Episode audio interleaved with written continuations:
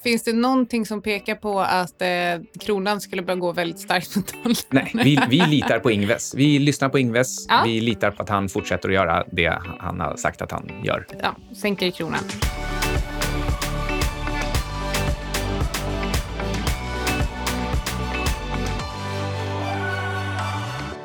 Hej, du lyssnar på Outsiders. Med Anna Svan och eh, ingen mindre än Micke Syding som får folk på stan att springa när de ser dig. Det är faktiskt sant. Det har hänt. Både bortåt och mot mig. Det kanske inte låter så sunt, men idag ska vi prata om hur man bygger upp och hur man underhåller en sund portfölj för alla situationer. Precis, vi ska gå igenom vilka olika delar man kan ha i portföljen och eh, vilka egenskaper och vilket syfte varje del ska ha. Och dessutom ska vi prata om eh, vilka kriterier man kan ha för omviktning mellan de här olika typerna av eh, tillgångar. Och så kommer vi kanske ta upp lite grann om hur mycket tid man ska sätta av för det här och hur mycket tid man är beredd att lägga på sina investeringar och om det kanske ändå är bättre att överlåta det åt någon annan. Du har ju överlåtit det åt mig, så vi tycker ju egentligen olika där. Och eh, sen eh, stockpicking, är det mer risk eller kan det leda till högre avkastning? Ja, och det beror lite grann på hur man gör det också. Ehm, Men eh, inte minst så kan stockpicking vara en sak som gör att eh, man väljer små bolag eller riskfyllda bolag, enproduktsbolag och liknande. Och det kan ju över en period ge högre avkastning just för att man har tagit högre risk. Men vi vet ju också att tar man högre risk så kan det också leda till mycket sämre avkastning. Och sannolikheten ökar för att det kommer att bli så. En sak som du och jag tycker att man ska ha i portföljen, men en mycket liten del, är ju kryptovalutor. Och eh, vår partner Fontobel gör det nu ännu lite enklare att bygga upp en diversifierad eh, kryptoportfölj. Mm.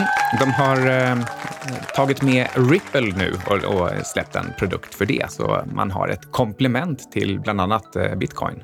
och ethereum som de också har. Och eh, det här är alltså ett tracker-certifikat utan hävstång och går att eh, handla på både Nordnet och Avanza. Och vi har ju varit inne tidigare på att just kryptovalutor skulle kunna tänkas vara någon procent eller två i portföljen. Och med tanke också på hur stora slag det är för eh, kryptovalutor så är det bra att Fontobel är en så pass säker och stadig bank att blir det riktigt stora rörelser så vet man att Fontobel kan svara upp mot det också. Precis. Men kom ihåg att eh, alla investeringar är förknippade med risk och ingenting vi säger i den här podden är rekommendationer, så gör din egen analys. Men med det, tack för det Fontobel. Anna verkar alltid tänka på finanser. Även eh, som häromdagen när eh, vi satt och tittade på en tv-serie, Gentleman Jack, som för övrigt kan rekommendera väldigt mycket om en superkvinna i tidigt 1800-tal. Plötsligt så säger Anna var det, var det han som gjorde den där emissionen? Hon, hon, hon lät lite så disträ.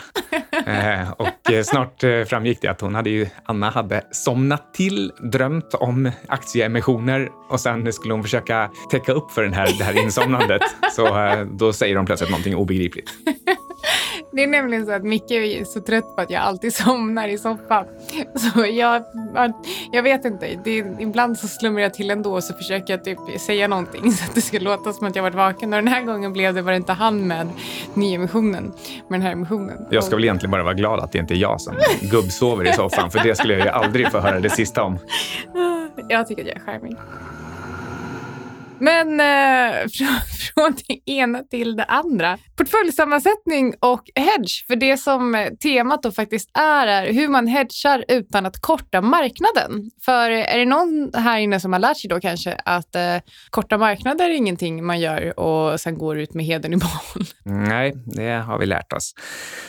Hur som helst, eh, vi vill börja med att understryka att vi, precis som de flesta andra, tycker att aktier ska utgöra huvudfokus. Det är huvuddelen i en portfölj. Och allt annat som du har i portföljen ska du handla runt omkring baserat på om aktier är dyra eller billiga. Och eh, anledningen till att jag tjatar så mycket om råvaror just nu är för att de är rekordbilliga och aktier rekorddyra. Men hela planen med min strategi handlar egentligen om att aktier har en huvuddel och sen hedgar jag den delen. Så även om vi pratar väldigt mycket om andra tillgångslag så är det egentligen en eh, historisk anomali och det, vi pratar om det just nu för att de ser ut som bra försäkringar, till exempel guld, eller bra parkeringsplatser eller, eller ställe att gömma sig i, gömma delar i alla fall av sin investering i, medan man väntar på att värderingsrelationerna ska återgå till det lite mer historiskt normala. Anledningen för övrigt till att man ska ha just aktier som huvuddel, det är för att man får tillgång till den här ständigt framåtdrivande kraften som är samhället och mänsklig innovation. Precis, och, eh, och det är ju jättefantastiskt, men det är ganska svårt att väl, välja ut enskilda bolag och jag gör ju det till viss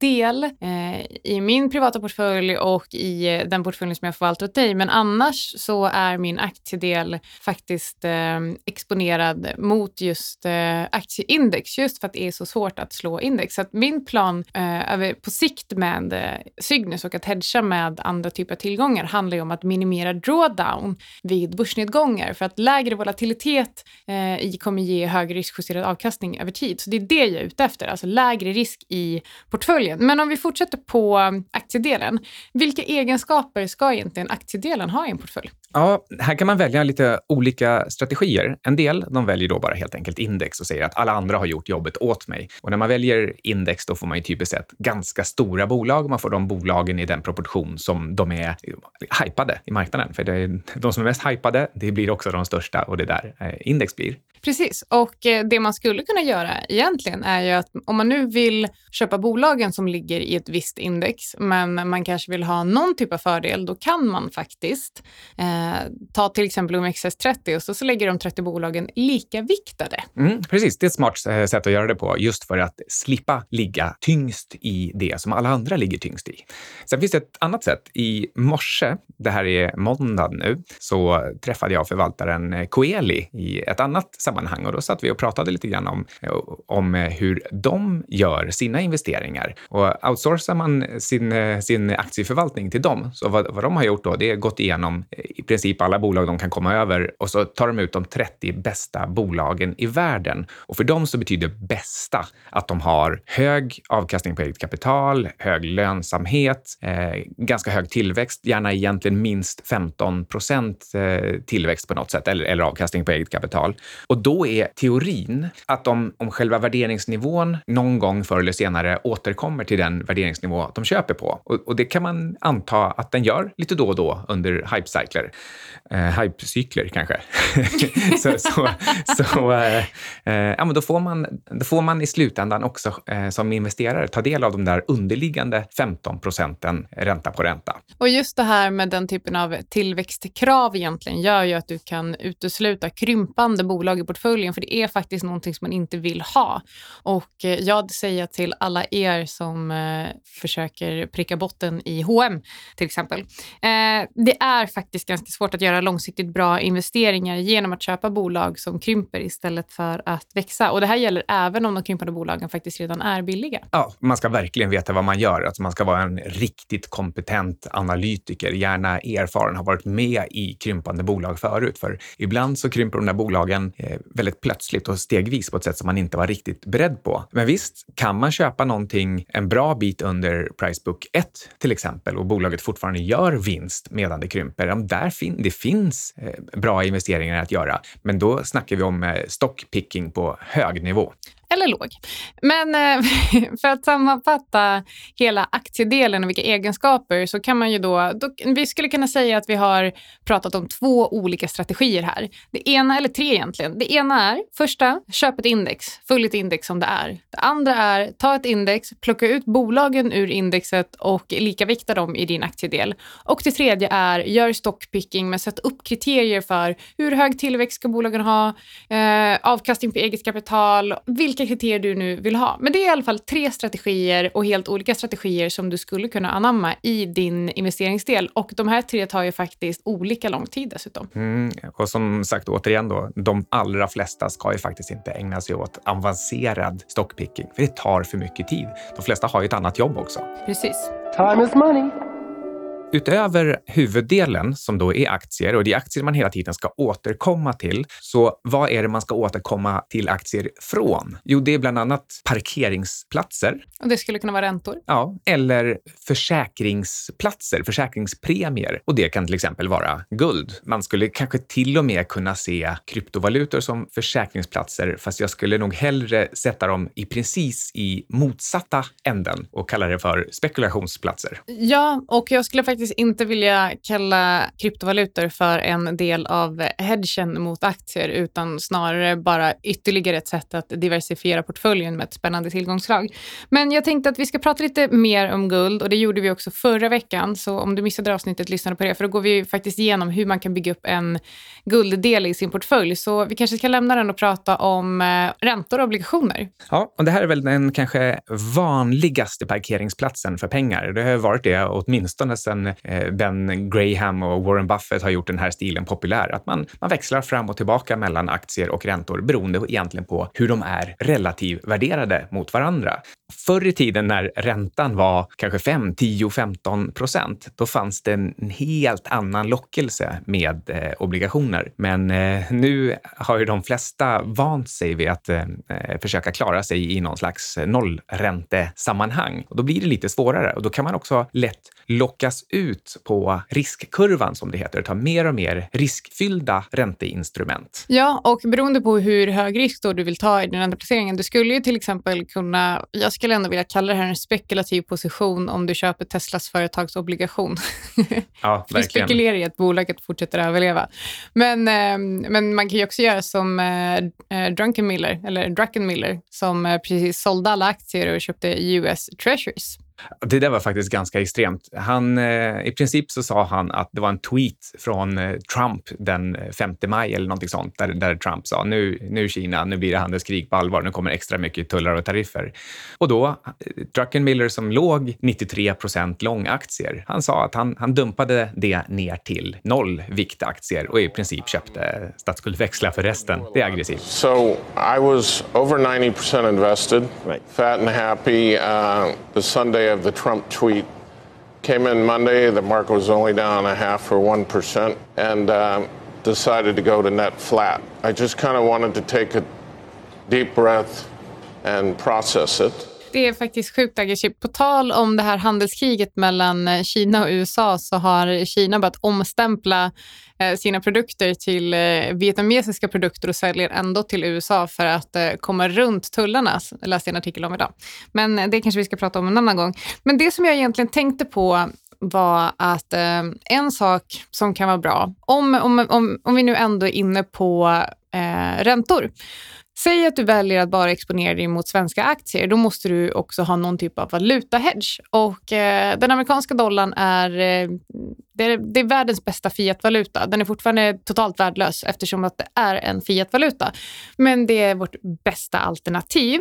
Så är du bara exponerad mot eh, svenska aktier, då skulle en amerikansk korträntefond kunna vara ett eh, bra alternativ att komplettera med. Nu har vi inte tagit fram någon specifik eh, korträntefond som exempel här, men det tog det vara ganska lätt för vem som helst att leta upp det på sin egen eh, internetbank eller handelsplats.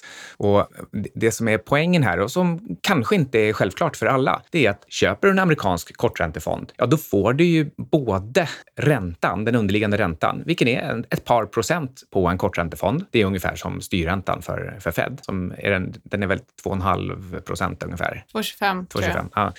Och man får dessutom dollarns utveckling. Och visst, det kanske låter lite skrämmande nu när dollarn har gått väldigt starkt mot kronan ett tag. Men, men eh, finns det någonting som pekar på att eh, kronan skulle börja gå väldigt starkt mot dollarn? Nej, vi, vi litar på Ingves. Vi lyssnar på Ingves. Ja. Vi litar på att han fortsätter att göra det han har sagt att han gör. Ja, sänker kronan. Jag, jag tänkte bara ta en sista grej där om, om Tesla, bara rent specifikt. Om man är Tesla-fan, då tror man ju förstås att Tesla kommer finnas kvar i fem år till. Och Teslas obligationer ger nu 9% avkastning per år och det här blir ju eh, ränta på ränta-effekt över då de sex år som är kvar fram till lösen 2025. Det är bara ett litet aber och det är just att Tesla måste ju faktiskt överleva hela vägen dit för att du ska få all den här avkastningen. Men innan vi går vidare från eh, räntor så tänker jag också att vi ska prata om hur stor del av den totala portföljen bör ligga i räntor. Och det här skulle jag säga, jag har ju eh, inga alls. Och det är för att min strategi eh, utesluter det helt enkelt. För jag tycker det, för mig är det lite för tråkigt. Jag håller på med aktiv tillgångsallokering. Då är räntor rätt trist, tycker jag. Um, men för den som kanske hellre har det än råvaror, hur hur stor range kan man egentligen ha? Säg att man alltid har typ 10 guld i portföljen och sen så kör man aktier 90% och så ner till. Hur lite aktier kan man egentligen ha i, som, som del av portföljen? Jag skulle nog... Ah, det är jättesvårt. Vad säger du? Jag har ju privat legat i, i stort sett 100% kort börsen. Så Hur gick det då? Så, men, men det gick inget bra. Men eh, det betyder att jag kan ju lätt svara på den här frågan att eh, man kan gå ner till eh, sin personliga minimi aktievikt och den tycker jag borde kunna vara 0% aktievikt under vissa omständigheter. Och, Vi har ju inte det i Cygnus. Nej, um, och, och, och, det, här, det här blir ju väldigt individuellt, för det är klart att det är någon slags relativ risk att stå helt utanför aktiemarknaden. För nej, vi vet inte när det kommer en, eh, ett paradigmskifte eller en sista tokrusning uppåt, som 1999 till exempel. Och som vi kanske kan säga att vi har har sett här nu senaste året också. Ja, och eh, jag tror att vi har som eh, minst legat eh, 30 eller 40 procent viktade mot aktier i Cygnus när vi har tittat på hur vi skulle allokera bakåt i tiden. Men, men det är också av just den anledningen, för skulle man få en sista tokrusning, då, då räcker faktiskt den typen av exponering. För att man vet ju faktiskt inte riktigt exakt när det vänder efter det. Men så det är den typen av kriterier, det, det jag försöker komma fram till, att den typen av kriterier får du komma fram till själv. Hur stor max och minimidel vill du att eh, alla dina olika delar av portföljen ska få ha? Så att du inte sitter där med 100% av något tillgångslag och sen undrar varför det gick snett för att du hade tagit för hög risk mot en enskild marknad. Framförallt så handlar det om att det ska vara tillräckligt mycket för att göra skillnad när du sen ska växla mellan tillgångslagen. Och då tycker jag att till exempel bara ha 10% som eh, sin parkeringsallokering, det är, det är för lite. Jag tycker att det, den måste kunna gå upp till minst 25 procent, alltså en, en, en, en kvarts pizza. Ja, alltså den kan få gå upp dit, men om man har som defaultallokering 10 procent och sen baserat på hur egentligen eh, priserna rör sig i relation till varandra. Alltså ja. jag tänker på guld. Alltså ju, ja. idag, i dagsläget så tycker jag ju också 10 procent alldeles för lite. Jag vet inte om jag har 25 eller 30 procent guld i portföljen just nu, men det är ganska mycket. Mm. Uh, och, jag, och, och, och jag är även fortfarande kvar lite grann på parkeringsplatsen, eh, till exempel räntor eller fastigheter. Och, och den kan också få gå upp till 25 procent eller 50 procent om det är så att man får en bra ränta samtidigt som aktier är rekorddyra. Och just nu så är vi i läget att aktier är rekorddyra, men det är obligationer också. Så, så därför blir inte obligationer ett attraktivt alternativ, för man ligger bara där och eh, ja, man, man kanske inte förlorar pengar, men man förlorar tid. Oh, everything's too damn expensive these days. Från eh, räntor, guld och aktier till min hemmaplan. Råvaror. Och eh, allt går i cykler. Eh, och jag har ju framförallt mjuka råvaror i eh, min portfölj och det är ju grains och eh, softs som eh, ligger där. Jag, eh, när vi satte ihop den här modellen så exkluderade vi industrimetaller och det gjorde vi för att det är cykliska råvaror. Eh, det här innebär däremot att eh, vi pratar lite om att modellera om Cygnus så att vi har en råvarudel men där man lika gärna skulle kunna inkludera industrimetaller till exempel under liksom högkonjunkturer. Men, men det är liksom en överkurs. Men fundera på vilka råvaror du vill ha i portföljen och varför. Använd typ inte koppar som en hedge mot dyra aktier. För jag kan garantera dig att det kanske inte blir liksom ett jättebra beslut när, när börsen väl faller sen. Nej, precis. Det är dessutom så att eh, koppar som brukar anses vara den enda metallen med en doktorsgrad, den kallas för eh, doktor doktorkoppar för att eh, den indikerar var cykeln är på väg. Och det gäller väl kanske just industrikonjunkturen. Och, och då blir det ju helt fel att ha den här som hedge.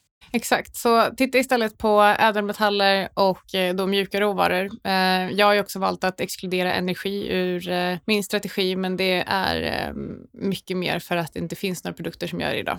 Men, men som sagt, fundera på vad alla tillgångsslag ska fylla för funktion, så att du, för annars kan det lätt bli den här effekten. Alla har ju säkert hört det här, köp inte flygbolag och olja.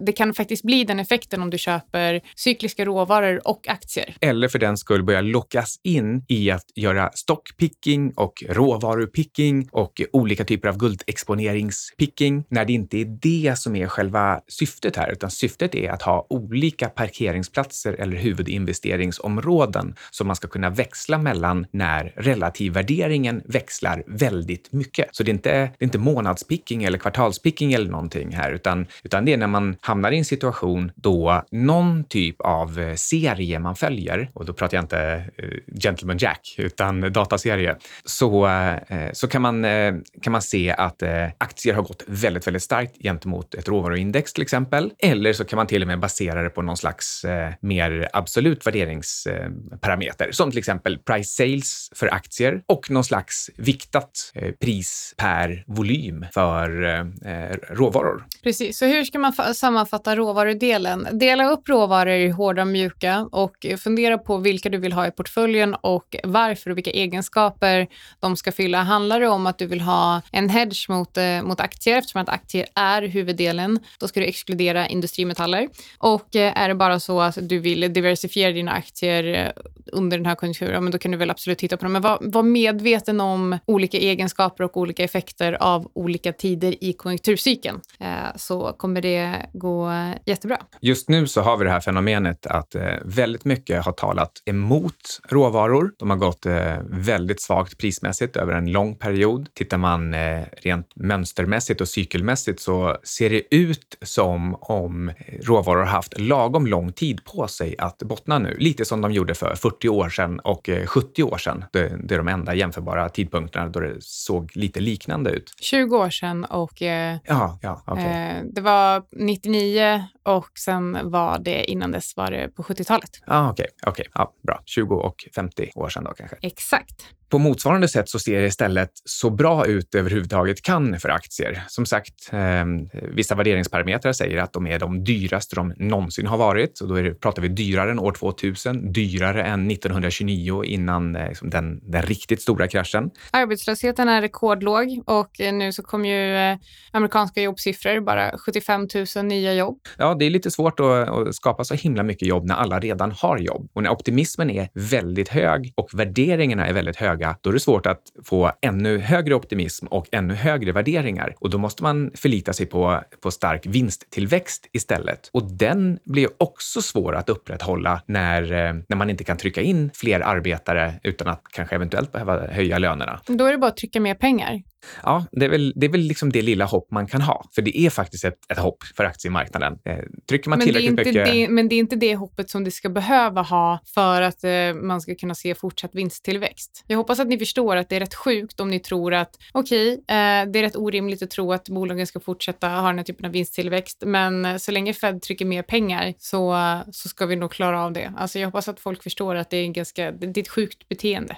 Ja, det, det är sjukt och det blir eh, det är lite farligt att hålla hålla den strategin i handen. Men det kan mycket väl vara så att, eh, att det funkar ett tag till. Att det finns, det finns andra saker i ekonomin som är ännu mer akuta. Till exempel att kreditmarknaden skulle frysa ihop. Och det har vi sett lite tecken på att det inte minst eh, Fed är rädda för. Och då trycker de på gaspedalen för ekonomins skull och sen blir aktien den här liksom bara residualen, vindflöjen, som, som då flaxar upp. Men det är också därför vi ser de här stora slagen både uppåt och neråt. Och du har varit inne på det förut, att det här blir motsatsen motsatsen till en dämpad svängning. Man får en accelererad svängning med större slag uppåt och också större och snabbare slag neråt. Ja. Och förr eller senare kan det leda till en systemkris. Eh, och eh, på tal om kreditcykeln, Ingves är också ut och säger nu att eh, största hotet mot svensk ekonomi är just eh, belåningen i Sverige och undrar var den kommer ifrån.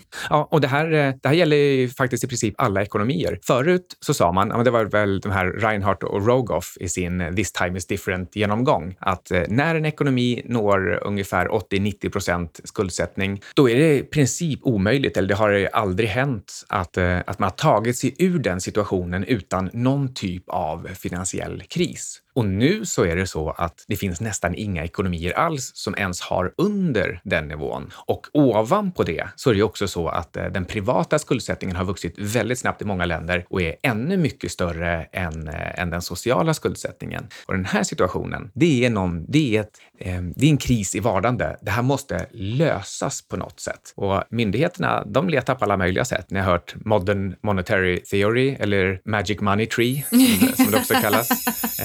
Det här eh, seriösa ekonomer skakar ju bara på huvudet och säger att det där är att eh, bjuda in till eh, en repris på Roms sista dagar. Rome is dead.